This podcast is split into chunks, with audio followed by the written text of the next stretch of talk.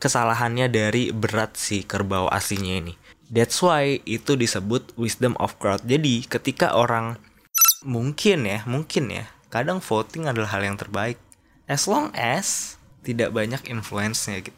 Untuk menemukan wisdom dari suatu crowd, itu dibutuhkan jawaban yang independen.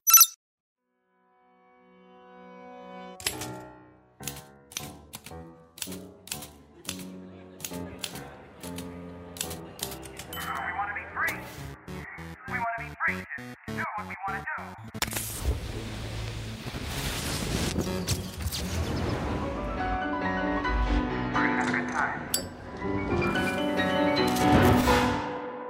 listening to Podcast Pecah.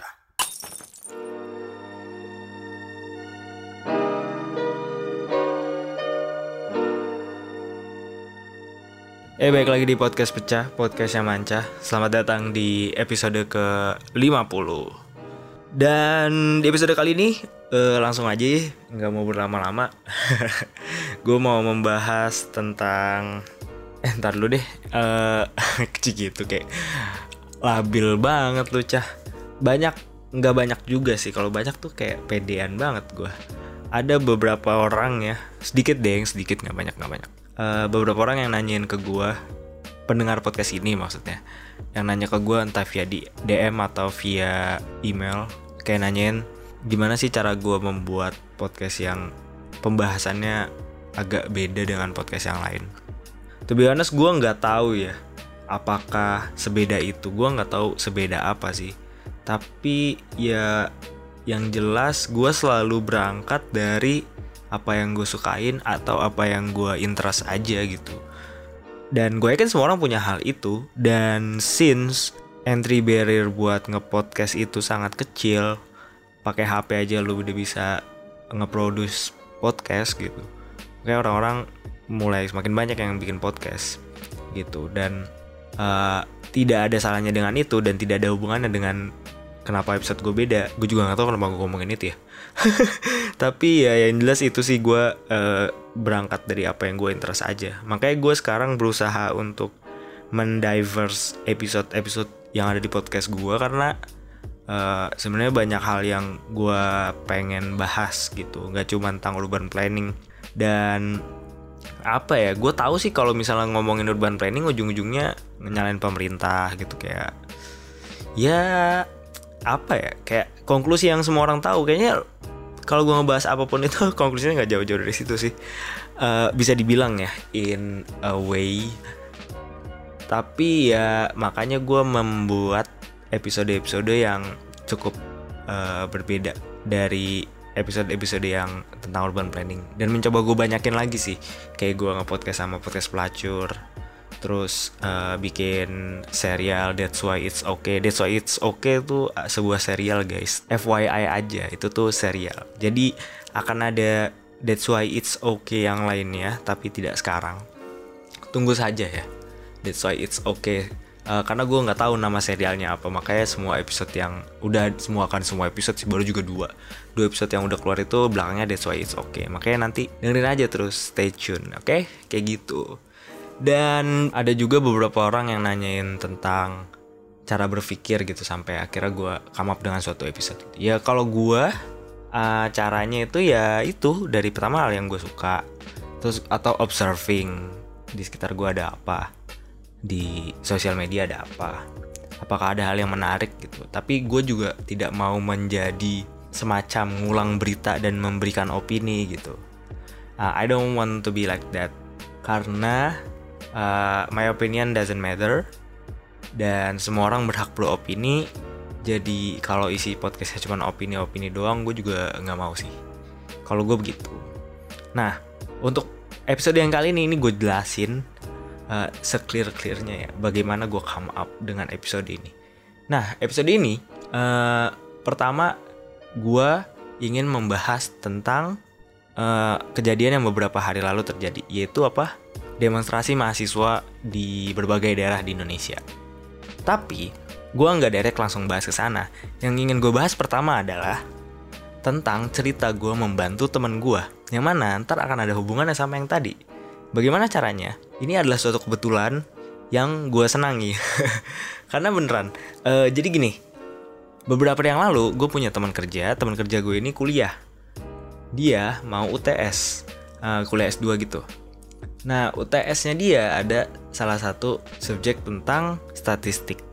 Since gue memahami statistik jadi dia nanyain gue dan ternyata gue goblok banget. Gue lupa gitu banyak hal yang gue lupa. Men emang bener deh otak tuh kalau nggak diasah tuh jadi bego. Bener deh bener deh nggak bohong gue karena skripsi gue tuh statistik jadi eh, back then heavy banget tuh statistik gue tapi gue tuh menyelesaikan skripsi bulan September. Ya kurang lebih bulan September. Terus kayak sekarang bulan September lagi itu sebego itu. Tapi iya udahlah ya. Eh enggak deh gue nyelesain Oktober. Ya kurang lebih ya hampir setahun lah. Itu udah kayak banyak banget hal yang gue lupa. Padahal anjir gue tuh dulu gampang banget nih memahaminya. Tapi dengan sedikit baca dari itu udah oke sih.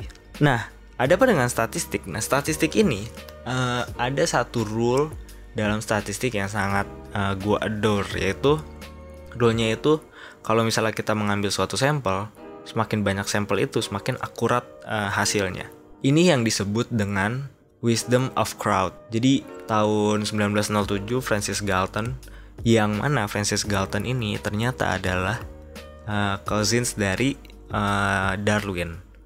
Dia itu membuat suatu eksperimen. Jadi dia pergi ke suatu semacam festival gitu. Semacam festival dia uh, nanyain orang-orang di festival itu berapa berat uh, suatu kerbau. Kayak ada kerbau gitu. Di guessing gitu ini berapa beratnya.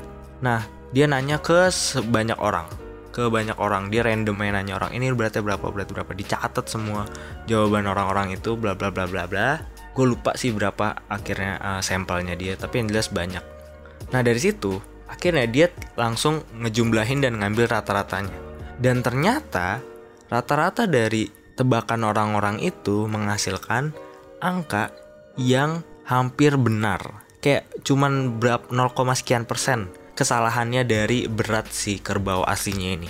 That's why itu disebut wisdom of crowd. Jadi ketika orang uh, bersama-sama berpikir dan diambil average-nya, itu tuh semakin mendekati truth-nya gitu.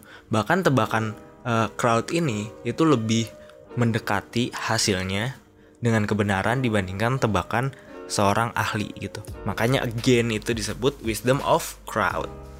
Tentu, sebagaimana penelitian pada umumnya, uh, keilmuan inilah yang uh, menghasilkan penelitian-penelitian lainnya dan membentuk uh, keilmuan statistik, which uh, sangat amazing dan uh, sangat panjang pembahasannya. Kalau misalnya dilihat sehari-hari itu statistik sebenarnya kita apply dalam kehidupan kita sehari-hari dan pembahasannya sangat panjang. Mungkin gue bakal ngebahas itu di lain hari secara spesifik. Tapi uh, yang gue ingin fokuskan dalam episode ini adalah setelah wisdom of crowd, then what? Nah, gue akan membawa kalian para pendengar ke arah di mana penelitian selanjutnya yang menyatakan bahwa untuk menemukan wisdom dari suatu crowd itu dibutuhkan jawaban yang independen. Jadi, kenapa gue membahas penelitian selanjutnya yang mendukung yang agak kontradiktif tapi untuk mendukung penelitian yang sebelumnya? Karena gue ingin membuktikan kepada kalian bahwa setiap penelitian itu butuh kontinuitas dan tidak ada suatu truth yang selamanya. As long as uh, ada penelitian selanjutnya yang mencoba untuk menguatkan, merevisi dan segala macamnya, itu akan selalu ada revisi dan that's why gue jatuh cinta sama hal-hal kayak begitu karena tidak ada yang uh, selain perubahan itu sendiri kan.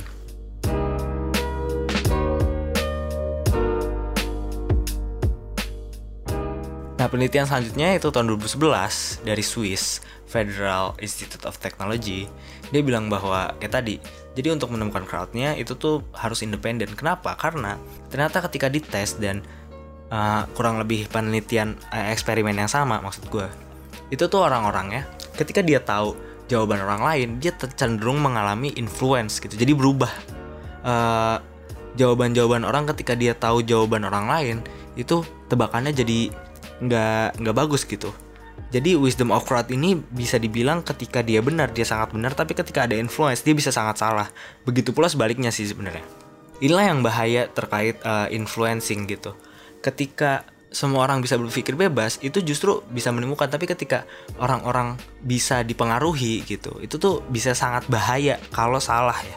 Again kalau salah tebakannya ada satu orang misalnya ada bilang expert A bilang let's say tadi terkait uh, si kerbau misalnya uh, eksperimennya expert A bilang oh ini beratnya 100 kilo gitu misal. Nah terus uh, orang-orang tahu ya dikasih tahu atau atau dikasih tahu gitu maksud gue uh, kalau orang ini adalah seorang expert ya pasti orang-orang langsung guessingnya di angka-angka sekitar 100 itu. Karena dia tahu dan mengetahui bahwa dia adalah seorang expert. Dan angkanya akan segitu. Padahal si expert ini bisa jadi sebuah kebohongan bisa jadi hal yang dibuat-buat gitu. Untuk membentuk opini uh, kebanyakan orang. Makanya that's why untuk menemukan wisdom of crowd itu harus uh, independen gitu partisipannya di satu sisi hal ini juga men-challenge suatu status quo yaitu ketika kita bersama-sama yang kita cari adalah suatu konsensus gitu kesepakatan. Padahal kesepakatan itu juga harus independen. Maksudnya ya kita tadi kalau ada yang influence mah yang kita temuin konsensus yang bisa jadi salah gitu. Makanya mungkin ya mungkin ya kadang voting adalah hal yang terbaik. As long as tidak banyak influence-nya gitu makanya menurut gua nih ya, ekstrimnya ya kalau misalnya pemilu gitu itu tuh nggak usah tuh ada apa namanya uh, masa apa sih namanya kampanye gitu. Langsung aja udah orang kasih tahu nih visi misi lo apa. Udah gitu. Langsung seminggu kemudian langsung voting gitu. That's the wisdom of crowd. Oh lah wisdom of crowd menurut gua. At its extreme point sih. Tapi ya udah lah ya karena ya kalau misalnya digaung-gaungin buat apa juga gitu. Kalau emang orang uh, udah tahu pilihannya sangat cuman kayak gitu doang orang jadi bisa mikir gitu independen. Oh dia maunya ini ya ini ini ini ini ya gitu ya. Kalau nggak bisa lo jelasin ya lo bikin uh, textbook penjelasannya aja biar orang bisa mikir dan compare lebih ini. Jadi nggak banyak suara lah intinya mah. Dan cepet juga ya nggak sih? Cepet dan murah gitu. Pemilu kita 23 triliun gitu kayak. But again it's another thing It's my opinion though mungkin bisa salah. Gue juga nggak tahu. Gue juga masih belajar. Uh, baik lagi uh, tentang wisdom of crowd gitu. Jadi jawaban orang-orang banyak ketika di average itu bisa uh, menemukan jawaban yang hampir benar uh, dengan kesalahan yang sangat sedikit. Tapi jawaban itu, tapi orang-orang yang mengikuti itu harus memberikan jawabannya secara independen. Itu hal yang kedua. Terus hal yang ketiga yang harus diperhatikan adalah diversity. Jadi penelitian yang lainnya dari uh, University of Chicago dia bilang kalau uh, diversity ini yang membentuk uh, wisdom of crowd ini semakin akurat gitu. Ketika semua orang yang milih bersuara sama, justru itu akan sangat salah. Sebenarnya bersama kayak yang tadi uh, influencing. Jadi kalau memang dia udah dalam satu background yang sama, uh, level yang sama, itu justru uh, apa ya? Jawabannya cenderung akan sama gitu. Makanya kita butuh orang yang sangat berbeda, oposisi gitu mungkin ya uh, yang bisa membuat jawaban yang lebih uh, akurat gitu daripada uh, suatu konsensus. Maksudnya begitu cuy. Nah, oke okay, recap dikit. Jadi gue mau bahas tentang gerakan mahasiswa. Pertama, gue bahas dari gue bantuin teman gue ngerjain statistik. Karena ngerjain statistik ada satu hal yang gue sangat adore dari statistik yang tadi gue bilang, wisdom of crowd dan segala macam penelitian terkait itu. Dan yang keempat, keempat ya apa ketiga apa kelima nggak tahu lah itu. Dan selanjutnya setelah dari situ gue bawa kalian ke gerakan mahasiswa. Nah gerakan mahasiswa dan wisdom of crowd. Hubungannya apa? Hubungannya jelas lah. Gerakan mahasiswa ini menurut gue kalau misalnya gerakan ini cuma gerakan mahasiswa itu nothing bro. Nothing bro. Karena mahasiswa ini orang-orang yang pinter gitu. Sementara kalau orang yang pinter doang yang mikir itu nggak ada apa-apanya gitu mereka harus punya empati. Gerakan ini harus punya empati bukan cuma gerakan mahasiswa sih. Intinya harus ada uh, layer lain gitu selain layer mahasiswa. Dan kebetulan memang yang disuarakan pun sebenarnya bukan layer dari mahasiswa cuman mahasiswa saja yang menggerakkan. Which a good thing gitu. Dan uh, gerakan mahasiswa ini membawa layer yang lain itu layer-layer masyarakat gitu. Layer masyarakat yang benar langsung terpapar dengan kebijakan-kebijakan yang coba dikritik oleh para mahasiswa ini gitu. Dan lu lihat aja gitu. Mana pemerintahnya gede banget gitu. Dan mahasiswa di mana di seluruh Indonesia sangat amat uh, ber, banyak yang bergerak gitu dari banyak daerah. Tapi satu hal yang gue menarik adalah itu yang di Jogja yaitu gerakan gejayan bergerak. Gerakan ber, gejayan bergerak ini benar-benar yang gue lihat ya itu gerakan yang secara kolektif bersama mencoba melihat apa yang menjadi concern dan kepentingan untuk semua orang gitu. Dan memang banyak orang-orang yang tidak setuju atas satu hal satu dan lain hal. Maksudnya gini kan ada tujuh tuntutan kan? Dan gak semua orang setuju sama itu. Nah tapi dengan mereka bergerak bersama mereka bisa menemukan wisdom of crowdnya mereka yaitu tujuh tuntutan itu. Pasti ada yang ada gesekan di sana. Pasti bukan ada gesekan ada perbedaan di sana sebelum melakukan gerakan itu. Tapi ketika mereka bersama dan mereka melakukan itu dengan uh, sangat baik gitu maksudnya dengan damai gitu bahkan mereka juga mendapat support dari masyarakat. Ada videonya uh, si penjual buah di sekitar Jalan Gejayan itu ngasih buah gitu. Dan banyak ceritanya orang-orang yang berikan air apa segala macam dan bantuan pun banyak dari uh, luar gitu secara logistik dan menurut gue itulah wisdom of crowd dari gerakan-gerakan ini which gue benar-benar sangat respect gitu nggak sebenarnya nggak cuma di Jogja gitu di semua daerah tapi mungkin karena uh, eh, gue punya banyak teman yang bergerak di sana jadi gue terpapar. Nah again ini contoh dari isi influence yang tadi. Jadi gue lebih banyak terpapar informasi terkait gerakan kejayaan memanggil. Dan jadi uh, again semua crowd akan ada wisdomnya dan uh, konsensus uh, memang hal yang baik. Tapi ketika semua itu terinfluence ya nggak ada artinya. Mungkin uh, suatu crowd bisa sangat wisdom bisa sangat bijak gitu. Tapi bisa jadi kebijakan yang dari crowd itu bisa jadi sangat salah ketika terdapat influence yang tidak diinginkan tidak ada independensi di dalamnya. Makanya uh, semoga apa pun gerakannya yang selanjut selanjutnya independen bisa berpikir untuk uh, kebersamaan uh, bukan untuk satu kelompok dan dua kelompok tapi semuanya. Dan ya semoga semua ini akan menjadi lebih baik sih. Karena uh, lihat aja semua orang concern gak cuman uh, mahasiswa gitu akhirnya rakyat-rakyat orang-orang uh, dari layar-layar kehidupan yang lain. Dan ya buat yang gak bisa turun mungkin bisa bantu sebisanya. Mungkin entah secara publikasi paling sederhana paling mudah atau mungkin bantuan secara logistik gitu melalui banyak kanal-kanal yang udah kalian pasti temukan di internet gitu. Dan semoga kita menemukan wisdom dalam gerakan ini dan semua orang bisa menikmati dari wisdom gerakan ini. Kayak gitu aja sih dari gua. Dan begitu pula logikanya. Oke, terima kasih buat semua yang mendengarkan di episode ini. Uh, sampai bertemu di episode minggu depan. Jangan lupa untuk share, like, uh, subscribe, di follow uh, podcast ini di Spotify ataupun di podcast player yang lain. Shout out ke gua di Twitter atau Instagram @mantejah M A N T J A H atau shoutout ke podcast ini juga boleh. Di podcast pecah ada di Instagram. Atau yang mau tanya dan segala macamnya bisa email langsung ke podcastpecah@gmail.com lihat aja di description semuanya. Kayak gitu aja again terima kasih buat yang mendengarkan sampai akhir ini. Semoga kita semua baik-baik aja. Terakhir seru nggak seru? Pecahin aja. Deh